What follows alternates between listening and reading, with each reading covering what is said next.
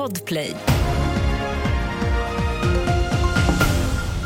God morgon, här är senaste nytt från TV4 Nyheterna. Vi börjar med att reaktorn Forsmark 2 just nu körs på halv effekt på grund av ett tekniskt fel.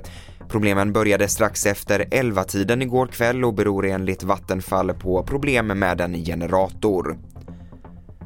I USA har 122 fiskare räddats från ett stort isflak på en sjö i norra Minnesota.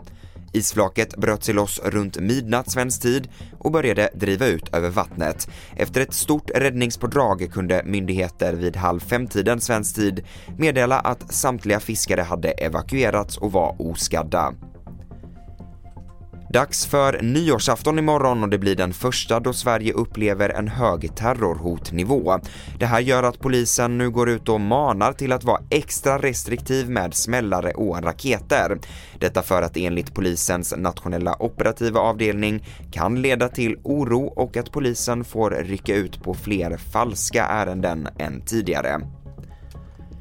Det har ju varit ett mörkt år på många sätt i världen, men det finns även ljusglimtar visar nyhetsbyrån TTs sammanställning av goda världsnyheter i år.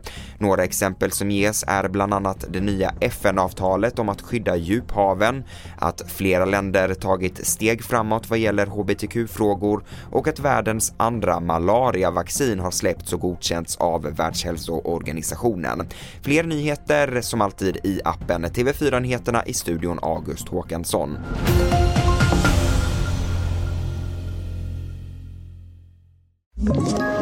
Ett poddtips från Podplay.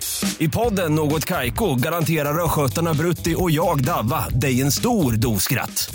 Där följer jag pladask för köttätandet igen. Man är lite som en jävla vampyr. Man har fått lite blodsmak och då måste man ha mer. Udda spaningar, fängslande anekdoter och en och annan arg rant. Jag måste ha mitt kaffe på morgonen för annars är jag ingen trevlig människa. Då är du ingen trevlig människa, punkt. Något Kaiko, hör du på Podplay. Därför är gardinerna.